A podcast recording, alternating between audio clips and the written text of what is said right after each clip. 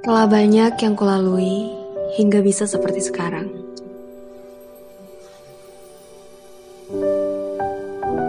Begitu banyak cobaan, bahkan cacian pernah kudapatkan. Bahkan sering kali orang memandang sebelah mata. Menjadi diriku yang sekarang tidak mudah. Butuh perjuangan. Kadang ingin rasanya menyerah. Tapi aku selalu ingat bahwa Allah tidak akan memberikan ujian kepada hambanya di luar kemampuannya. Dari situlah aku mulai belajar untuk berjuang. Berkat dukungan dari orang tua dan juga keluargaku, aku bisa bertahan hingga sekarang.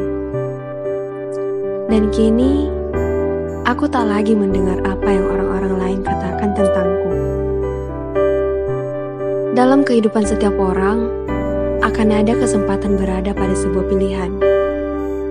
Dan setiap orang berhak untuk memilih memilih apa yang dianggapnya baik untuk dirinya dan mungkin juga baik bagi orang lain. Aku tidak pernah menganggap diriku lebih baik. Aku hanya wanita biasa yang memiliki keterbatasan ilmu.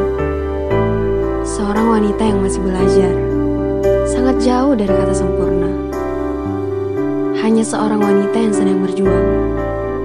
Dan aku tidak ingin orang memberikan penilaian secara sepihak terhadap pilihanku.